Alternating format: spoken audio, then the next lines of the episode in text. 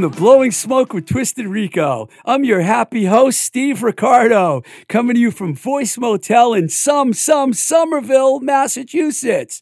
This week, we're going to play you an interview by one of the coolest garage rock bands around, Muck and the Mires. But first, this show is sponsored by Notch Brewing, serving European influenced beer in their beer hall and beer garden, not only on the harbor in Salem, Massachusetts, but also in their brand new spot at 525 Western Avenue in Brighton, Massachusetts, just minutes from downtown Boston. Speaking of the Brighton location, we have some of the upcoming shows that we're going to tell you about right now. This coming Thursday, October 21st, Carol, Bedbug, and Katie Mallison with DJ Lava Girl. On October 28th, the Big Easy, Pink Navel, and Squitch with DJ Denim Dill. On 11 4, translated into November 4th, an evening with Jill McCracken. November 11th, Kittner, Ezra Cohen and the Big City Band, and the Furniture. And on November 18th, Dyer Phaser, Andre Oben, and Ex Hyena. Okay, I've been a huge fan of garage rock genre long before I managed a bunch of garage rock bands like the Charms, the Love Me Nots, and the Go Go Girls. Garage rock goes way back. And far as I'm concerned, I was into a lot of the 60s bands too, like the Sonics from Tacoma, Washington, Sir Douglas Quintet from Austin, Texas, the Troggs, Tommy James and the Shondells, even the more modern garage revival bands like the Lyres, the Real Kids, Question Mark and the Mysterians, the Gories, and then the band that Mick Collins from the Gories formed called the Dirt Bombs which to me is like the consummate garage rock band. The whole concept of garage rock is a pretty loose description. There's a fine line between garage and punk, and even places where they intertwine. For example, The Clash even referred to themselves as a garage rock band. To me, it's just loud, noisy guitars with strong, consistent beats that are not quite pop. And if you have a Farfisa organ, that definitely helps but you usually need two or three Farfisa organs because two of them are usually broke. I'm sorry, but I've experienced firsthand how difficult it is to keep the Farfisa organ going. So, whatever you consider garage rock, I love it. And I could listen to those Pebbles compilations for hours. I remember one time the Charms got a review in a magazine, and it might have seemed like it might have been a questionable review to some, but I thought it was funny. The reviewer said the Charms have figured out a way to play 96 Tears 10 different ways and succeeded in making a garage rock record. It's kind of true. A lot of those songs kind of sound alike with most garage bands, but I love the genre, and I always will love the genre. You don't have to be completely original to be entertaining. This all brings us to Muck and the Mires, which to many fall into the garage rock category, but also borrow heavily from what I call the English Mersey beat sound. You know, Gerry and the Pacemakers, Rory Storm and the Hurricanes, and this band that you might remember called the Beatles. They borrow heavily from that, and I love that about them. They wear uniforms, they got a sound that you know when they come on the radio or the computer or wherever you're listening to them or you put their record on, you know it's Muck and the Mires. So, we know they're one of the coolest bands around. We know they're a very nicely dressed band that I love, and we're going to talk to them. But first, let's listen to a track. This one's called This Time I Know I'm Right Muck and the Mires.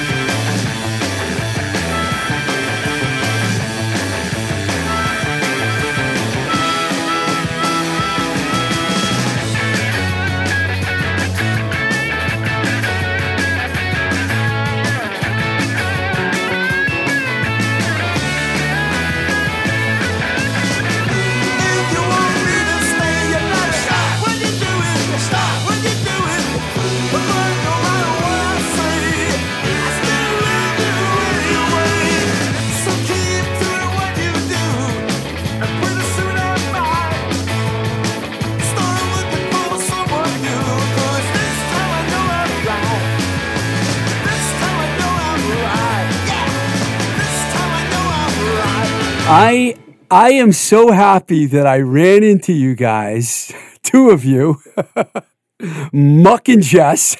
I'm going to try to keep the, the, the, stage names going. That I ran into you guys at Notch Brewery because I wanted you guys to come on my show, and look how fast we made it happen. Now you're here. Yes. And you got JQ, and you got Pedro. Pedro. who I have history with. Damn Good straight. history. Lo- yes, we both uh, worked for the same major label. yeah, yeah, long time ago. So um, I don't even know where to start. I mean, look, why don't we just go all the way right back to the very beginning? I mean, I know that you know you guys were in other bands, and um, the Nines were on one of my compilations. The Ape Hangers that Pedro played in were on, and somehow all you guys came together around two thousand and one. Uh, 2000, 2001. So tell the story how that happened, Muck. Well, it's an interesting story. Uh, so actually, tonight I'm having dinner with an old friend, uh, Larry. Larry Retard was his uh, his name, and uh, he has a label up in Canada called Amp Records. He's in town from uh, the Toronto area today, and he's the guy who put out the first Muck in the Mires record, and it was just a collection of demos that I had done at home all mucked up. All mucked best up. Best of Muck in the, the Mires. Best of. So I, I I made these demos of a, fictic, a fictitious band named Muck in the Mires, and Larry put the record out and then said, "Hey, you guys got to come tour," but I didn't have a band, so. Um, when I put the record together, I kind of in the back of my mind, I was thought, oh, it'll be fun to play some shows once I get this project out. And um, I listed the band mem- members on the sleeve. Um, and I purposely named the drummer Jesse Best because it could be a guy or a girl because I'm sitting right next to one of the best female drummers in the yes. world over here. And I named the guitar player Pete Meyer because I kind of always wanted to play with Pete in a band. so we we all stepped into the the names on on the fictitious band and it was supposed to be a joke, but here we are 20 years later. So I guess the joke's on uh, us. it worked. The joke worked. That came out in Europe too. Your first record on Soundflat Records in Germany. I mean, right. did you have international interest like right off the bat?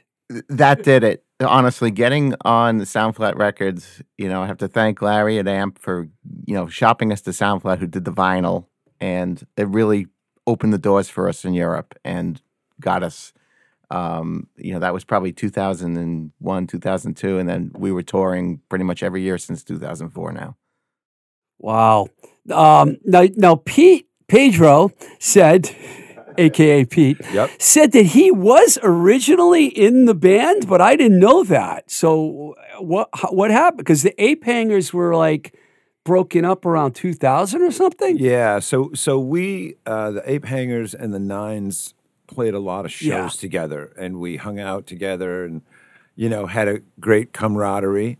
Uh, but you know when bands sp- split up, you tend to kind of drift away from that environment and and those people, you know, and so at, at one point Evan had brought me to his apartment, and he showed me his computer and he said, "Hey, check this out." And he started playing me these tracks. And he's like i did this all here.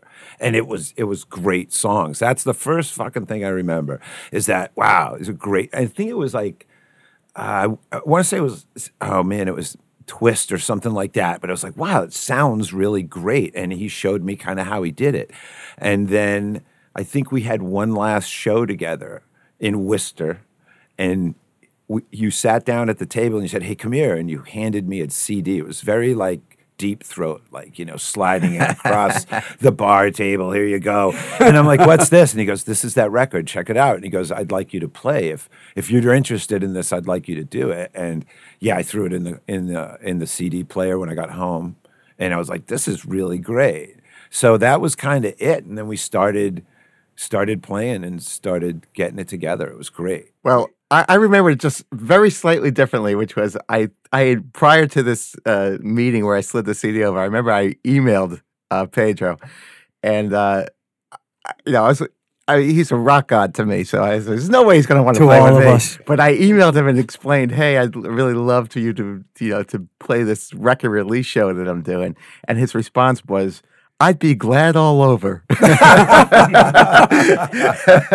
Because it was, sounds you know, the 60s, it was our Yeah, early oh, 60s. uh, Dave Clark Five of you. Yeah. right, right, right. I think I still have that email. Oh, that's print fun. it out and frame it. and That's uh, awesome. Put it on our mantle. Well, it gets even funnier if you don't mind me uh, I diving don't. into this a little bit. So, we played around for I would say a year or so, uh, and it was going great. Uh, but but it was very casual. Um, I don't know if the nines had completely just like were done done at this time because it was very sporadic and casual. So I had another group going, and that was sort of starting to get some traction, if you will. Um, so the, I made a decision, like, which one do you want to do? And as I remember, no shit, it was like, hey, you know, I'm gonna I'm gonna go do this other thing. I can't commit this much time to this right now, and so I don't know where you guys are at. But you know, if you get shit cooking and you want to, it was again, it was kind of like it wasn't like breaking up Muck and the Mires after 20 years. It was like after four shows and, and a couple of months or whatever. So I all of a sudden I remember going through the paper and I see Muck and the Mires is playing somewhere and I'm like, hey, what the fuck? Why like why didn't they call me up? Because I really but you know, totally understand they were probably like, hey, fuck him, let's get someone else. In fact, I think Brian was at that show and slipped right into the spot, and that was that. But the funniest of all of this is go back now nine or ten years from now uh, at a Cheap Trick concert. Uh, I'm walking through the crowd, and who do I see but the lovely Jessie Best standing next to Brian? And I'm like, "Hey, what's going on?" Hugs, kisses. We're all talking. What's new? How you been? Deepa dappa doo. And I said, and and we're kind of out in the lobby, and it was a little quiet. And I said to Linda, I said, "Hey, I got to ask you a question. It's been bugging the shit out of me my whole uh, forever." She's like, "What?" I said, "How come you guys never gave me a call?" And she's like you quit the band. And I'm like, what? she goes, yeah, dude, you don't remember you took us outside? You're like, you quit the band. I'm like, "Ah, I guess I kind of don't remember that. Like it totally was not, I didn't remember it as, as, as effective as it was. You know what I mean? And I'm like, oh, what a douchebag. I didn't realize I did that. I'm like, well, listen, if you ever want to, you know, hang, let's, let's hang. And ironically, uh, we ended up at a show. Uh, it was the last show I had played with the Port Charles Quintet. with Oh, yeah. Yep. And Greg. Cam and Cam. them. Yeah. And uh, Dennis was moving to Pittsburgh, and we were uh, playing with uh, uh, the real kids at TT's. And uh, I, I- we did the show, and it was great. And I bumped into, again, Linda and Evan outside, uh, uh, Muck and Jesse. You can edit that, right? Right now, And- everyone's right, completely confused. right, There's and, like uh, eight people in this. there is eight people here. I knew Anyway, this was going to happen. right? So we had a, a short conversation, just hey, how's it going? Catching up again, and it was one of those, you know, hey, if you ever need anything, you need a couch moved, a bathroom painted, give me a call. And like three weeks later, I got an email from uh, Jesse saying, uh, hey, this is our situation. Uh, we got a lot of great shit happening, and uh, let's get together and hook up if you ever would be interested in doing this stuff. And I was like, you know, the first thing I did was ask my wife you know, hey, this is going to take up a lot of time and it's going to be bigger than me doing shit down in the basement. Are you cool with that? And uh, 28 years of marriage today would say, yes, she sure is. Uh, so I, I joined up, as they say. I joined up. He joined up, and joined up. and the first thing we said to him was, "Can you go to Spain for ten Yeah, days in yeah. three weeks?" Uh, no shit. And It's do, you, and do you have a passport? He's like, he didn't have a passport. I did not. Yeah, We're literally- gonna expedite the passport. Oh my god, it was so funny. Yeah, he gave me a tr- he gave me a CD of thirty songs. He's like, learn these and we'll put together a set. So I'm like, okay. I think we rehearsed once or twice or something, and then I got a call and it was like, hey, uh, can you go to Spain in three weeks? And I'm like, whoa. Yeah, I've always admired the fact that Muck and the Mires is an international band. I'm not joking when I say that. I got to throw a little sidebar in here real quick and tell you that at least three or four times I hung out with Dennis McCarthy in Pittsburgh because I was living there for five years. And every time there was a record show, yeah. Dennis would be there with Right. a fucking shitload of vinyl. Right. And he's seriously one of my favorite drummers ever. I'm Yeah, talking all the way mine- back to mine the Prime too. Movers, you Yeah, know. But in too. the Ape Hangers, you know, I mean, that's when I really got to see him a lot. Yeah. And uh, I just had to throw that out there because I know you're probably in touch with Dennis and Bob still too. you know. Yeah, yeah. In fact, I made a mention to to Muck earlier this morning that I had a had an itch to call Denny last night, but I'd probably be still on the phone with him. We literally, I'm not kidding you, dude. We have 11 hour conversations. It's like, I don't even know what the fuck we're can talking about. that. It's retarded. If he's drinking the whole time, it could be oh. longer than 11 hours, you know? Oh. Dude, I literally have fallen asleep. I've woken up to my cell phone going off because I fell asleep on my home phone. It's like, and I'm like, Dan. He's like, yeah. So, anyways, we were at the fucking bowling alley, and that motherfucker. I'm like, continues the story like it, like it never stopped. Too much, man. Well, I'm not going to cover try to cover every single uh, year because there's been a lot of stuff, but I'm going to jump ahead a little bit to around 2004 because a lot of really interesting things happened for Muck and the Mires. I know.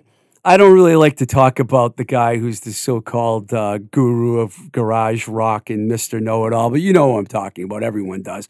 But you guys got involved in that, and I was managing the Charms at the time, and they were very involved in it. And you guys won the battle of the bands, and so the Charms and the Muck and the Mires got to play together. Like three shows I remember, and I want to talk about some of those because they all have one thing in common: Kim Fowley. and I know that Kim ended up, you know, being your uh, producer on at least one record. Did he do one or more than one? He did an album and a single. Album and a single. But why don't you talk a little bit about that time because uh, that was a really good time for you guys. You guys had already started to make headway, but then people really found out about the band. Well, 2004 was really the pinnacle of the garage rock revolution. Anyway, you had bands like The Strokes and, you know, I I can't think of the other band, the Hives. Mooney Suzuki, like all that stuff was becoming like, you know, airplay all the time, you know, uh, on on radio, um, and we ended up, you know, winning this battle of the bands, Right. and being on MTV. And I remember running into you at Irving Plaza for the finals, um, Yeah, which yeah. is when we won. And we got stuck in traffic. There was some horrible accident on 95. And we ended up being so late to that show that they were almost they almost scrubbed us, and uh, but it was like no, Muck and the Mires are here, Muck and the Mires are here, and what had happened was the MTV crew had already interviewed all the bands and packed all their stuff up. When we won at the end of the night, uh, they were they were really mad because they had to unpack all the stuff and and and shoot our video. So you see these interviews with all the if you ever see the show, um, all the other bands look great and they're all you know you know lit nice and they look we're all sweaty and disgusting and it just it was it was uh, quite a night but yeah we ended up you know winning the contest and then um, uh, uh, Kim Fowley was the MC at the Yeah. contest uh, so we met him that night He had those, uh, he had all these fake stitches all over his face that day. Do you remember that? I, I thought those were real I thought that was from the fight he had with Sky Saxon Whoa, that's legendary. but uh, That whole night was fantastic at Irving Plaza. I'll never forget that. The Charms got to be one of the special guest bands that night. It was packed too. The place was like, it was a total. And, and Kim was introducing all the bands. I remember. Uh, Joe w- didn't have his guitar plugged in from the Charms, and he went C H, and he introduced the band, and they started playing, and Joe hadn't even had his. There was some weird things going on that night, but then after that, the um, the Underground Garage Festival, we all hung out. Unfortunately, you weren't there, Pete. I'm sorry, but uh, we all hung out that day. There's a really good photo that I'll use to promote the show of the Muck and the Mires and the Charms, and I'm in the photo too. We hanging out. But there was something really wacky that happened to you guys that day that you got to tell our audience about. All the bands had their own trailers, Ah. and wasn't there one band that didn't have a trailer? What? Ha- tell that story because it's fantastic. So we were the contest winners, and when you're the contest winner and you get the spot on the the the, the prize was you get to play this this festival with the so-called professional bands, and uh, Stooges, New York Dolls, Yes. Strokes. It was a Bo big deal. Diddley, you know. Yeah, it was great. Yeah, we got to meet half our heroes that day, but um, we were on fairly early. We were on right after the Swinging Neck Breakers, and um, so after we play, we have the whole day off to just meet our idols and watch the show and partake in all the free food and all the yeah, the trailers was stocked with everything was stocked. food. and you know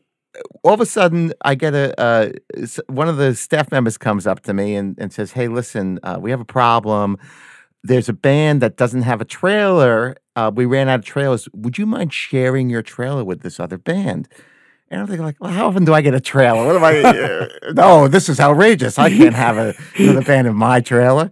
But he says, sure, bring him in. So we left the trailer. We went out and watched the shows. I come back to the trailer a little while later, and there was a big, you know, there had been a sign in the in the window that said "Muck and the Mires." It was still there, but they put the second band's name right next to ours, who was also in the trailer. It was the Pete Best Band. So I'm like, no way, this is unbelievable. So I open the the trailer door, and there he is, Pete Best in my trailer. so, so we're we're uh, we're hanging out with Pete Best, and I grab you know Brian, the the uh, the guitar player at the time, who was a Beatles fanatic, and I tell him, hey, Pete Best is in our trailer. He's like, shut up. And I'm like, no, I bring him in, and he loses his mind. He's like, oh my god, it's Pete Best. Oh my god, and it's Pete Best's worst nightmare. The guy just flew in from Liverpool, and he's got this maniac, and me too, because I was, you know, uh, probably just as bad, just asking him a million questions, you know, like this, that, you know, what was it like, you know, playing in Hamburg and going on and talking about his solo records that he wants to forget about, but like we're singing the songs to him. I walked all around, you know, it's like It's scary that you know. Did you get your name Jesse Best from Pete Best? yes. Oh my God. I didn't I just realized that. What so you were a real Pete Best uh, fan? I I think Evan named me. That, that was from the sleeve of all mucked up. But yeah, the idea was we. I as I said, I, I wanted to be an ambiguous name that could have been a woman drummer to invite uh, Jesse here into the band, but I needed a last name. It's like Jesse Best. Why not? You didn't think of Star or Starkey? You went with Best instead? that might have worked. Yeah, The player. yeah. But anyway, poor Pete Best, and then uh, he ended up he, he had flown in from uh, from Liverpool just for this gig, and they had this rotating stage. It was Broke. it was the stage from Woodstock, evidently, that broke at Woodstock. Uh, Anyway, what was supposed to happen is while one band's playing. You know, think of it as it's a round stage split in half. While one band's facing the audience on the back, behind them, they're setting up the next band where they'll spin it around. And when this thing broke, the whole the whole festival went off kilter in terms of schedule. They had roadies running out, moving gear around, and uh, because of that, the schedule just kept getting worse and worse. So they have to cut bands time. So we're in the um, we're we're in this trailer with Pete Best, and all of a sudden there's a knock on the door. Uh, hey, are you from the Pete Best band? I go, no, he is, and I'm pointing to Pete Best, and it's like, uh, we got to cut your set uh, from a half hour to 20 minutes. It's like, oh, okay. mm." So uh, uh, a half hour later, hey, uh, Pete Best, uh, anybody here from the Pete Best band? I go, yeah, that's Pete Best. Uh, we got to cut your set to 15 minutes, and it was like. Hey, Pete Best, uh, we got to cut your set to 10 minutes. And then it was like, you know, by now it's like five o'clock. It's like, hey, uh, Pete Best, two songs. well, I experienced that whole nightmare myself because the Charms was supposed to play four songs and they went on 22nd. Don't ask me how I remember that. I, I do. They went on 22nd and they only could get to play two songs. It happened to all the bands in the middle, except the Dolls and the Stooges and the Strokes and I can't remember who some of the other bands at the end of the. There were some great bands there that day. As much as I don't care for the guy that put on the thing, it was a really fun festival. I mean, I, all day long. I remember Mike Watt. I see Mike Watt because I'd met him years ago when he was in the Minutemen in L.A. You know, and because he put the Descendents, he he recorded the Descendents, and we released it on Enigma, and I got to know him. I see Mike Watt walking around with his bass and amp, and I'm, hey Mike, and I went over and talked. to him. He goes, "Do you know where the Stooges trailer is? I can't find it." I helped him find the trailer. There was some great things going. That had to be one of the highlights for you guys too, being at that. Oh, just meeting Festival. Nancy Sinatra. Nancy you know, eh, yeah. Everybody was there. And, and then, you know, forget about our, our, our stars, but all of our friends who are in garage rock bands, you know, the Woggles, we're hanging out with them all day. And, you know, uh, I don't know. I can't think. I have to look at the poster. I know the Lyres played, the Go-Go Girls, the Pretty Things. Flesh I mean, Tones. there was forty something bands. I mean, it's impo- I mean, if we remembered all of them, it would be incredible. But it was really a fun day. I mean, there was a pending hurricane too, Right. And I think that's why they kept cutting the sets. And then when the stage broke, it was like complete mayhem. Well, you know, we had to play early, so you know we didn't play to a full capacity, but we had a good crowd. But we got to play for twenty five minutes, a half hour. Yeah, a so good that was, crowd. you probably had like at least thousands there. I mean, when the Charms went on, there were like ten thousand people there. You know, we talk about that. I think it that ended up being like fifteen thousand people or something like that. Pretty good. yeah. Not a bad turnout. Well, I have a lot of footage from that, and I put it on YouTube, and I got I got slapped. They're like, "Take that down." It's like, yeah, well, I guess Christopher Columbus, the director, he did a bunch of big movies. He was going to make a movie out of it, but the movie never, the movie never came out. I don't know what happened. There's only one person that really knows. So it wasn't. It was a few years after that. I'm going to skip. You know, there was Beginners, Muck. There was one, two, three, four, and then Hypnotic is when you guys decided to go to L.A. and record with Kim Fowley. Well, how did that all happen? so we met Kim at Irving Plaza, and then our paths just kept crossing. So we, uh, I, We were at a, in Holland, Holland. At, a, at a music festival. yes, Uh, Rotterdam. Yes, Rotterdam. and he was the MC in Rotterdam. So we we, we saw we saw him there, and we Yep. uh, and uh, well, I we, we there was one other time we kept the answer is we kept running into Kim Fowley, and then he was going to be the MC in Rotterdam, and. I said, "Well, look, you're going to be in Rotterdam. We're going to be playing this thing, and then we were going to England after that. So let's do a r- record in in in in England because he had some studio in Scotland that he he worked at at the time. So he goes, "Oh well, you know, we'll all go to Scotland and we'll do this this this this record." It's like sounds great. I get a call from um, about a week before we're going to fly out from Scotland. And it's the guy who owns the studio in Scotland. He goes, "Oh, I couldn't understand a word he was saying. It was the thickest Those Sc- Scottish you know, accents. what- what- whatever. He goes, but basically, he said that the ceiling had collapsed in the studio because it was a rainstorm and the studio was gone. so, so the sessions are off. But it didn't phase Kim. He's like, oh well, you know what? We'll do pre-production in Rotterdam, and um, and then you'll come to California and and you'll stay at my house and you'll do this record. So we get to Rotterdam and he goes, okay, let's do the um, let's do the pre-production right now. Now we're not supposed to curse, but I'm supposed to quote Kim Fowley. I'm not sure how to do that. Oh, it's going to be interesting. cur- What do you mean? we We could bleep could this out. curse. But Oh, no. basically, he goes, No, you can curse. he, he- he goes, hey drummer, give me a beat. So do the beat. And this is Kim Fowley. This is what he goes. You ready? I want to shit. I want to fuck. I want to shit. Shit, fuck, shit. he goes, that's how you do it. That's how we're going to do this. It's going to be farm animals on the roof of the studio shitting rock. That's what we're going to make when you get out there.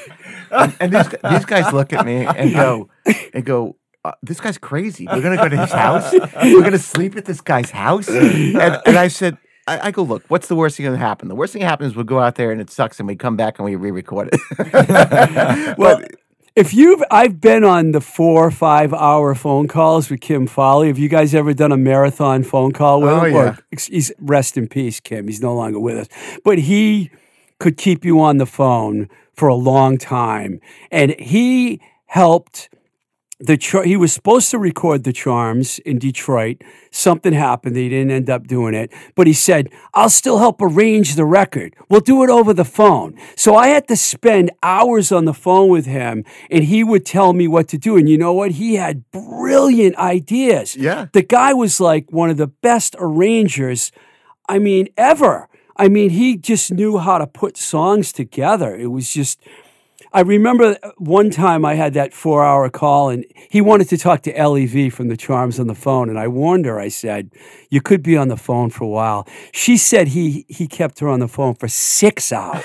he broke the record that I had. But you guys probably had to go through that as well. We did, but you know, just to, just to give Kim some credit, um, because you're right, he was a genius and he was a real producer. People said, "Did he do anything?" He did. and he totally did. Well, just for starters, I would send them uh, uh, songs, I would, and he'd go, I need stupid songs, stupid, stupid, stupid. And he's the one who actually kind of ordered us to write the song Hypnotic, which was the title song of the record, because he wanted stupid, fun songs. But um, I had sent him a CD of the demos. These are the songs that we want to record. And when we got to his house out in Redlands, California, there's my package unopened on his. he never even listened to this thing. Giant pile of unopened So- mail on his table. Yes. Yeah, bills. I don't know. The lights probably weren't even on. But uh, so we we get to the studio. I was like, Kim, you didn't even listen to the record. He goes, he reaches behind, grabs an acoustic guitar, throws it in my lap, and says, "Now play me your twelve best songs." And I was like, wow, he's absolutely right. And they weren't the ones on the you know on the disc that I had sent him. Um, but uh, then his next thing is okay. So we we picked the songs, and now he goes, okay, play me the end of the song into that song. No, no, no. Play to this. He was putting it in order, so he had the whole thing in order, and then he he goes, we're going to record the songs in order, one at a time. So instead of doing usually your band records basic tracks, you go in and you the whole band gets together in a room and you Yeah. play the backing tracks for every song, and then you go in and you start layering the tracks. You had to complete each song in order, which was great for for a singer because you get this n- tremendous break where you just sing a song and now you work on. Horrible for the drummer who's just getting warmed up and now has to. Oh, watch that process. That's yeah, the, now, you know, fall asleep in the in the corner. Yeah. But um, uh, then when we're finished recording the, the record in order, now we're going to do the liner notes. So he's like, the, the whole thing is this. He comes from the '50s, prepackaged. Everything is, you know. It's funny because you know I worked for a major label for a long time, and Pete knows this because he was on A and M Records, the label that I worked for. And you meet people with big egos all the time. I don't think I ever met anyone with a bigger ego than Kim's. I mean, he knew how great he was. Oh my God, that guy! If you just followed that guy around, you were just seeing him interact with regular humans. It was like watching an alien land on Earth, and just—it's like the man who fell to Earth, but like a kind of a weird comedy. It's just like he would just interact with people in the strangest ways, like like South by Southwest. Like, Oh, so, yeah, yeah. So South by Southwest, he, he was on the, the the press tour junket for the Runaways movie, and he invited us to be his backing band, which is I don't know what that Ooh. is, but it basically it, meant that we stood behind him and sang harmony together, like woo, it's whatever, like just this '50s a cappella kind of thing. While he did the the, the, the press junket for. Uh, for this, but anyway, we're walking around South by Southwest, and he wants to meet Andrew Loog Oldham because they were both DJs at the time on on Sirius, and Oh, a, a legend too. Right. Oh and yeah. so I well, well, I wouldn't mind meeting him. Yeah, That'd be kind of cool. yeah. So he, he knows that he's in the green room somewhere, but he doesn't know where the green room is in South by Southwest. So he goes up to this uh, this poor staffer and he and he, he goes, I'm blind and crippled because he had a cane. I'm blind and crippled and I need to find Loog Oldham. Do you know what do you know where the green room is? And this this girl is probably just 18 years old, poor like South by Southwest um, uh, intern, and and she goes, "Excuse me, sir, what room are you looking for?" And Kim looks at her and goes, "Your bedroom."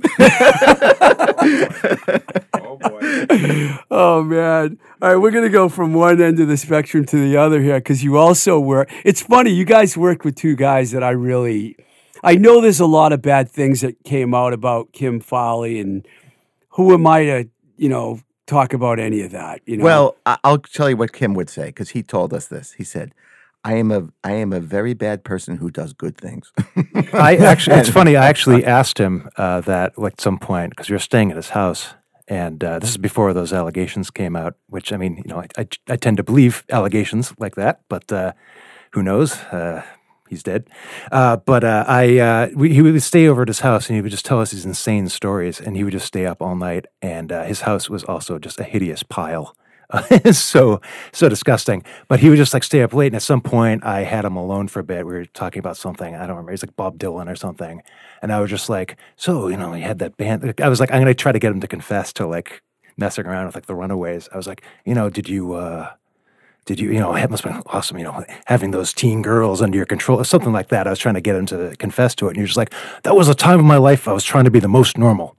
I had, I was, I was most successful I was ever. I was so busy. I was trying to be respectable and trying to get married. I didn't, t- I was like, I, did, I didn't touch any of those girls. And I was like, All right. Wow. I mean, yeah, yeah, you know, whatever. That's what he said to me. Well, you I heard it can't. here first. Yeah. Wow, uh, yeah.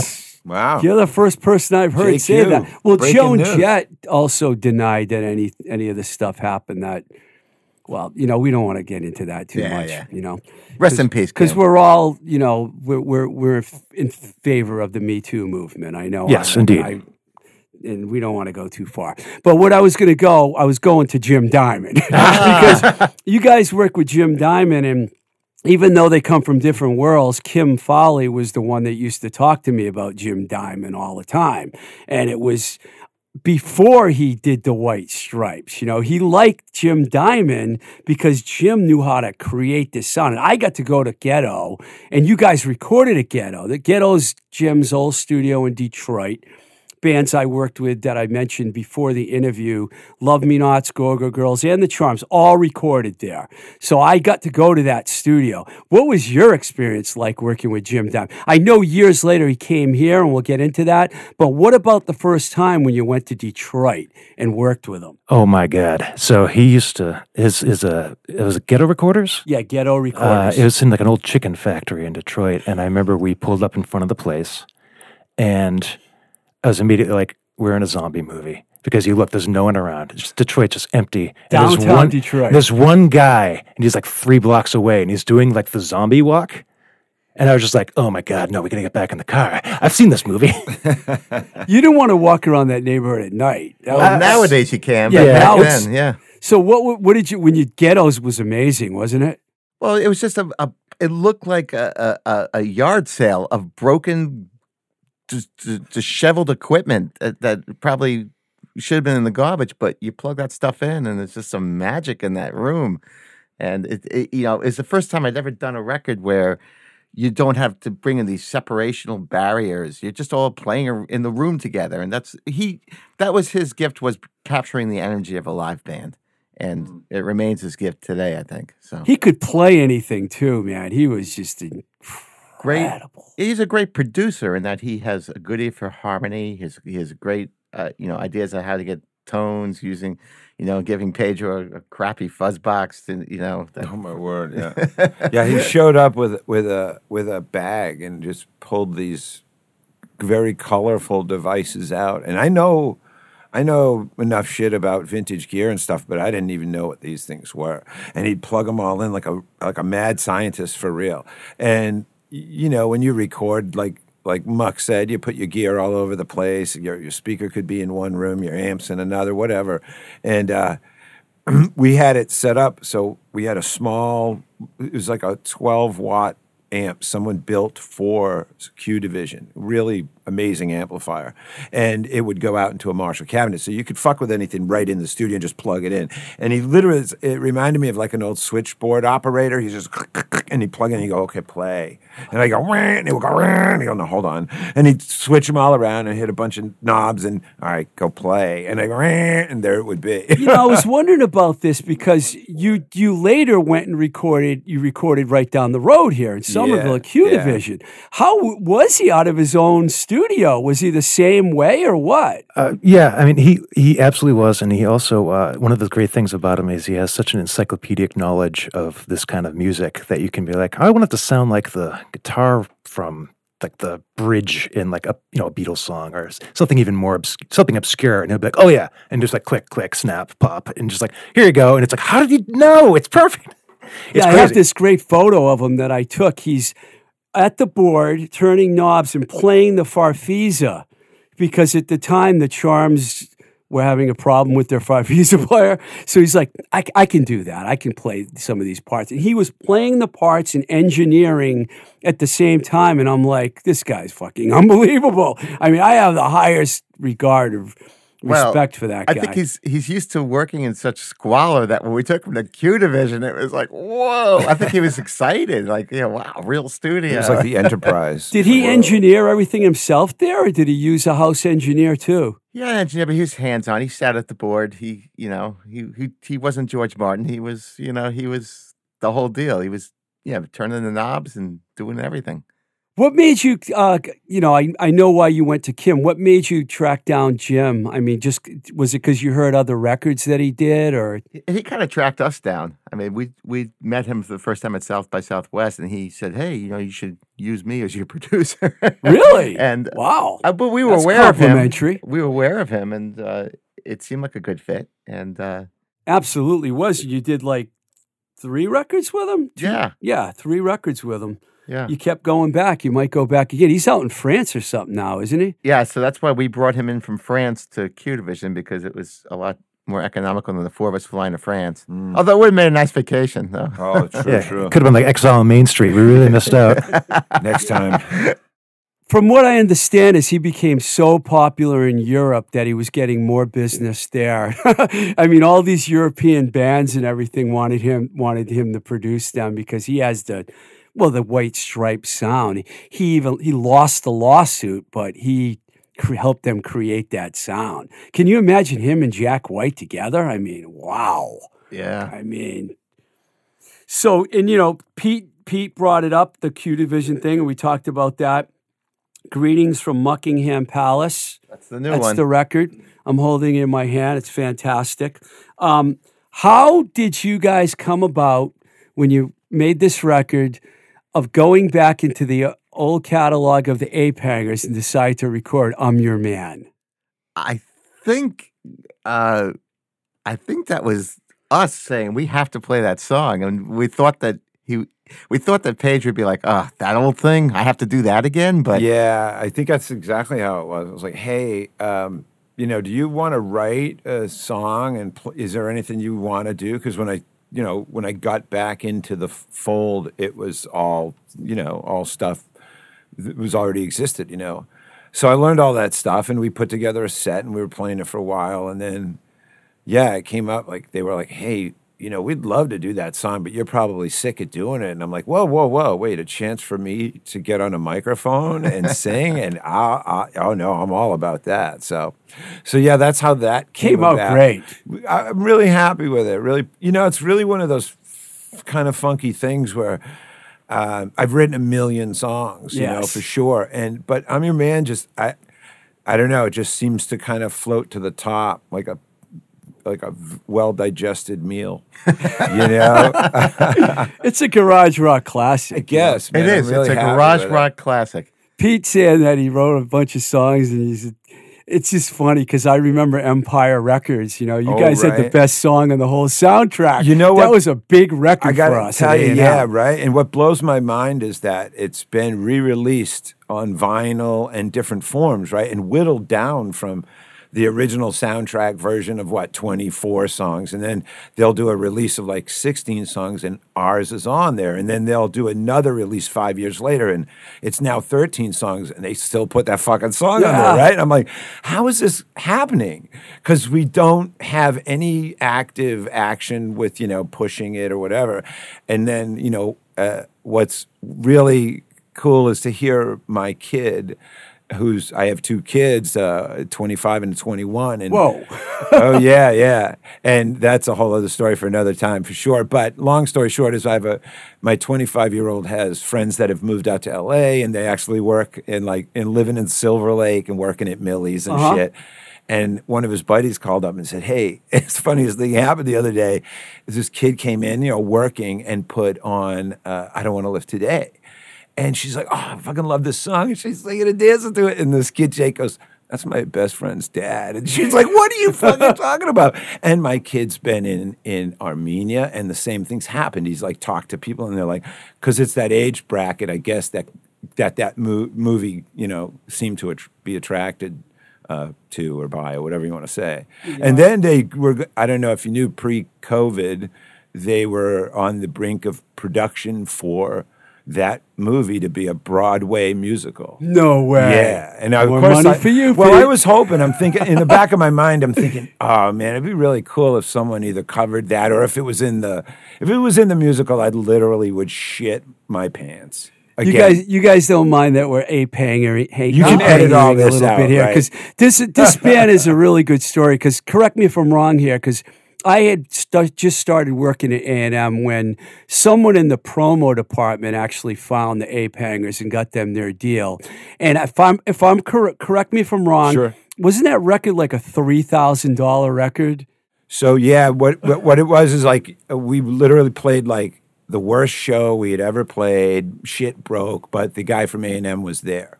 Jeff And- Suey. yeah, Jeff, Jeff. Suey. I couldn't remember his name. Yeah. It just came. yeah. Jeff and Mike Whitaker. Oh yeah, Spaceman. Rest in peace, right? Yeah. And uh, but Jeff, uh, he got the band. You know, he understood that we were just four cats from the East Coast who we grew up on punk rock music. We didn't book ourselves or bill ourselves as a punk rock band. That was just our literal attitude. It kind of is still today. People have to tell me to shut up because I'll, you know, we. We were very aggressive, not in a violent way, but just energy, a lot of energy I in loved the the band. band. Loved it. Yeah. Weren't there, weren't there only three cats in the band though? You said four cats. No, there were only uh, no, there were only three cats. Just, yeah, if I said I four, like, it's what? 'cause I'm, uh, I'm is stuck the in, fourth member? I don't remember. Three cats and a, a bunch of kittens. I'm stuck in. I'm stuck in muck mode. Well, I, I think having all you guys together, you know, I think was when I first heard that Pete joined the band, I was like, wow, that is really something right there. So this record came out uh, right before the pandemic, or It came out December of 2020. Oh, geez. So it is great timing, is what we're saying. And you guys were at Rum Bar Records, or did Dirty Water put this out? Dirty both. Water. Dirty Waters. How'd you get on that label? They're an English label. That's a good story. So we were playing at a, a show in Las Vegas called the uh, Vegas Rock Around, and uh, it was a garage rock version of kind of Viva Las Vegas. If you're familiar with the Rockabilly Festival, that- they did a garage rock version one year, and uh, I was playing roulette at uh, the Gold Coast casino, and there's this guy next to me, and uh, he's playing roulette too, and I'm I'm totally killing him. I mean, it's like my numbers keep coming up, and this guy's numbers just never come up. We start talking, and it turns out that he's uh, his name is Paul Manchester, and uh, he was starting a record label. He lived in London, from Boston originally, lived in London for 20 years, and decided to start a record label called Dirty Water Records, and we ended up being their second single after the Lyres. Um, wow. and that's the story of us in Dirty Water, and we've stayed with the label this whole time. Yeah, the darts that are uh, former members of the Love Me Nots. I remember Nicole asking me if I knew about Dirty Water, and I'm like, "Aren't Muck and the Mires on that label?" And they're like, oh, yeah, I guess they're good. If Muck and the Mires are there, why not? And they ended up doing a deal with Well- uh, Dirty Water Records. Yeah, so I got an email from from Paul a few months after uh, after the uh, the rock around, and uh, he said, "Hey, uh, my name's Paul. I don't know if you remember me, um, but You beat me at roulette. yeah, I, I, that's what I wrote. I said, yes, I do remember, and yeah, I kicked your ass at roulette. yeah, you better. You guys have been on a bunch of labels. You know, we got to talk about Rum Bar because you know Lou was on my show and he's one of the coolest guys around. So you guys must love working with Lou. Oh, he's the best. I mean, aside from being a friend for many years prior to uh, Rumbar, uh, he's just got the magic touch. You know, he just he knows everybody, and it's just a real sincere. He just does it because he loves music, Yeah, he's a genuine guy. he's really genuine. guy. Genuine he's good guy. Not watching the numbers. Uh, you know, he can, but uh, he's he's doing it because he loves it and loves music. And um, so, actually, on this latest Dirty Water Records release, he's really went out of his way to help us promote promote it. Yeah, I saw that he had the credit for doing the promotion. Yeah, we gave. But he put the te- did he put the ten inch out that you guys released? He did. So this record, uh, you know, because the pandemic was on hold for almost two years, and we were getting antsy, and and Dirty Water, you know, wasn't be able, get, wasn't going to be able to get it out, and you know, uh, soon enough for us. So we arranged to have Lou put four songs out on a ten inch. Yeah, I'm Um, your man's on that ten inch too, right? I don't No? think so. I, don't know, I think good enough's on it, right? Yes. I'm sorry, I make mistakes. Well, we do sometimes. too. We don't know what's. Yeah, we don't have it in front of us. I was going to ask you how many records you have out because I can't even. It's a lot. It's a what do you lot. uh, do? You know how many releases you have total? No. Like Uh, twenty, maybe, or something. Oh, yeah, we have five or six albums, and then we have a whole bunch of singles. So, Um, That's but, like yeah, we- two we- or three EPs, right? Yeah, yeah, Yeah. it seems like more than that. Probably is. I don't know. I don't listen to my own records. You know. so talk, let's so let's talk about the future here. What's going to happen now with Muck and the Mires? Well- what are your future plans? the first thing is we're going to make up two shows that we couldn't do because of the pandemic. We had to cancel. We we were booked to play in Seattle in April of 2020, which is, if you recall, was kind of the epicenter Yeah. of the. We were literally at, re- at rehearsal, sitting like a week away from our flight, saying, "Should we go, or shouldn't we?" Like, you know, looking back, of course, you would say absolutely not. But at the time, it was like, "Wow, it sounds like they can only allow." It was like I remember, honest to God, it was like Wednesday you could allow hundred people in a, in a venue, and by Friday it was like twenty five, and it was like, well, fuck. I mean, no one's going to be there anyway. They won't. They, you know what I mean? How, what, what kind of crowd are we going to play to? And then it just it seemed kind of. So you guys are going to go to Seattle now? yeah, we're going to make up. We're those making it up. Uh, yeah, so we're in Seattle November 6th, November 5th, rather. Did Chris Porter, by any chance, have anything to do with you guys playing there? He didn't, but Chris is a good friend. Right, because Um, I know he's Mr. and, Seattle. and, and, and good friends don't ask good friends for favors. So we constantly go around it. But this is actually our third time to Seattle. And uh, we, we, we always seem to do really well there. We really enjoy playing there. And uh, the we're be, Sonics, Muck and the Mires. I mean, it's one of the greatest American music cities, uh, I would argue. yeah. it really is. And we're also playing a, a pretty cool show in Portland the next night. So oh, Yeah, two absolutely. great places. Yep. yeah, so we're doing that, um, the makeup shows. And then um, You must be going to Europe soon because you guys are the European band. we are likely going to to London in December. We just have to check a couple of things on Fingers the crossed, COVID right? front. Yeah. Um, and then we're scheduled for ten shows in Spain from March to April. And do you have a, a show in the Boston area coming up? I'm not sure when this podcast airs, but we're playing at the Square Root in Roslindale on Friday. The 22nd, I believe it 22nd, is. yes. And the show will be out before then. awesome, That's great. It's a great place. You'll so love it. please head down to the Square Root Yeah, in great Yes. room. Roslindale if you're in the Boston area. I would uh, encourage you to buy your ticket early because that place fills up. It does, True, true, true. and the tickets are ten dollars, so Ho, ho. That's a deal these days. it is a deal. And we're playing with uh, the New England Mafia, which is Oh, Jeff Palmer and Kurt Baker Kurt and Baker Brad and- Marino yep. and who's the fourth Zach one? is the drummer. Wow. But wow, it's it's it's oh, that's going to sell out. well, we played with them in Portland, Maine last weekend, and uh, it's really a super group in that in a rock pile kind of way, where you have like the Dave Evans and the Nick Lowe, and it's it's just really cool. I could say that Jeff Palmer, Jeff Useless, as I like to refer to him, was on this show, and he's one of my favorite people. He's just a great human being, like you guys. You know, that's that that that that's a really good show right there. So if you're in the area, I highly recommend it. Um, any plans to re-record again, or is this? Are we going to work on this record for a while? That's our swan song. We're out of here. Actually, our next album. Greetings from Monkingham Palace. We're going country next Yeah. album. Dunkin' Dunkin's pays 19 an hour now. We're out. We're out of Yes. this game. no, we have we actually are working on it. On the we always have to have the next record in the can, as they say. So Are you going to yeah. let Pete write more songs and Yeah, contribute we're to the next it. record? We gotta. We, We're working on one right now. If it's, Yeah, we got. I love that you guys are all together, and uh, thank you. Thanks a lot for Yeah. coming down to the show today, Jesse Best. You hardly said anything at all, Jesse. Well, thank you for having us. She's our closer. They call her the Quiet Mire. all right, guys. Thanks a lot. Thank, Thank you, Steve. Thanks. Please support this podcast on patreon.com forward slash twisted rico or on the anchor site at anchor.fm forward slash blowing smoke tr.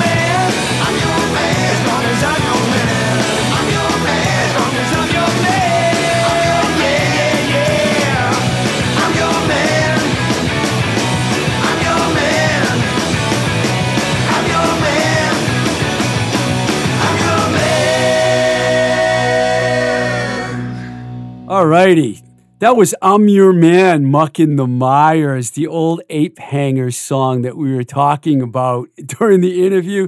That was definitely one of the most fun interviews I've ever had. I, I told the, the, the band when we were walking out that we ape hanger hijacked the show, which we kind of did. We spent a lot of time talking about the ape hangers, which you know Pete was the the primary songwriter and the leader of the band, so it was kind of hard to ignore that. I didn't know that Pete, aka Pedro Muck, was actually an original Muck and the Mires uh, member, so I learned something there too, and um, that was a lot of fun, man. Their album that we were talking about a lot, Greetings from Muckingham Palace produced by the great Jim Diamond. I highly recommend it. It's 14 tracks of beautiful garage rock and um, really good. They recorded that one right down the road at Q Division here in Somerville, Massachusetts. You might remember that Ed V, uh, the manager of Q Division, was on our show not too long ago. So, um, Muck and the Mires, there you have it. Thank you to everyone that supports this show on patreon.com forward slash twisted rico and also at anchor.fm forward slash blowing smoke tr.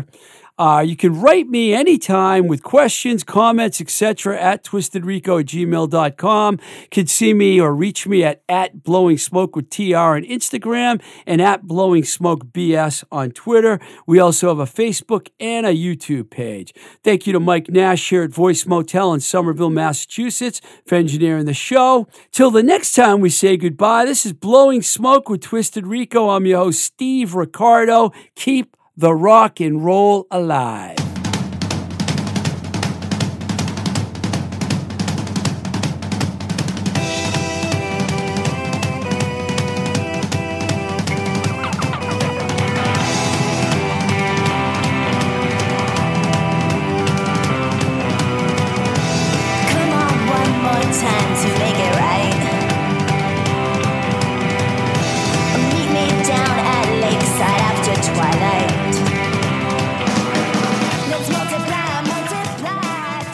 Voice is recorded at Voice Motel, voicemotel.com, your complete podcast recording experience, located in Union Square, Somerville, Massachusetts.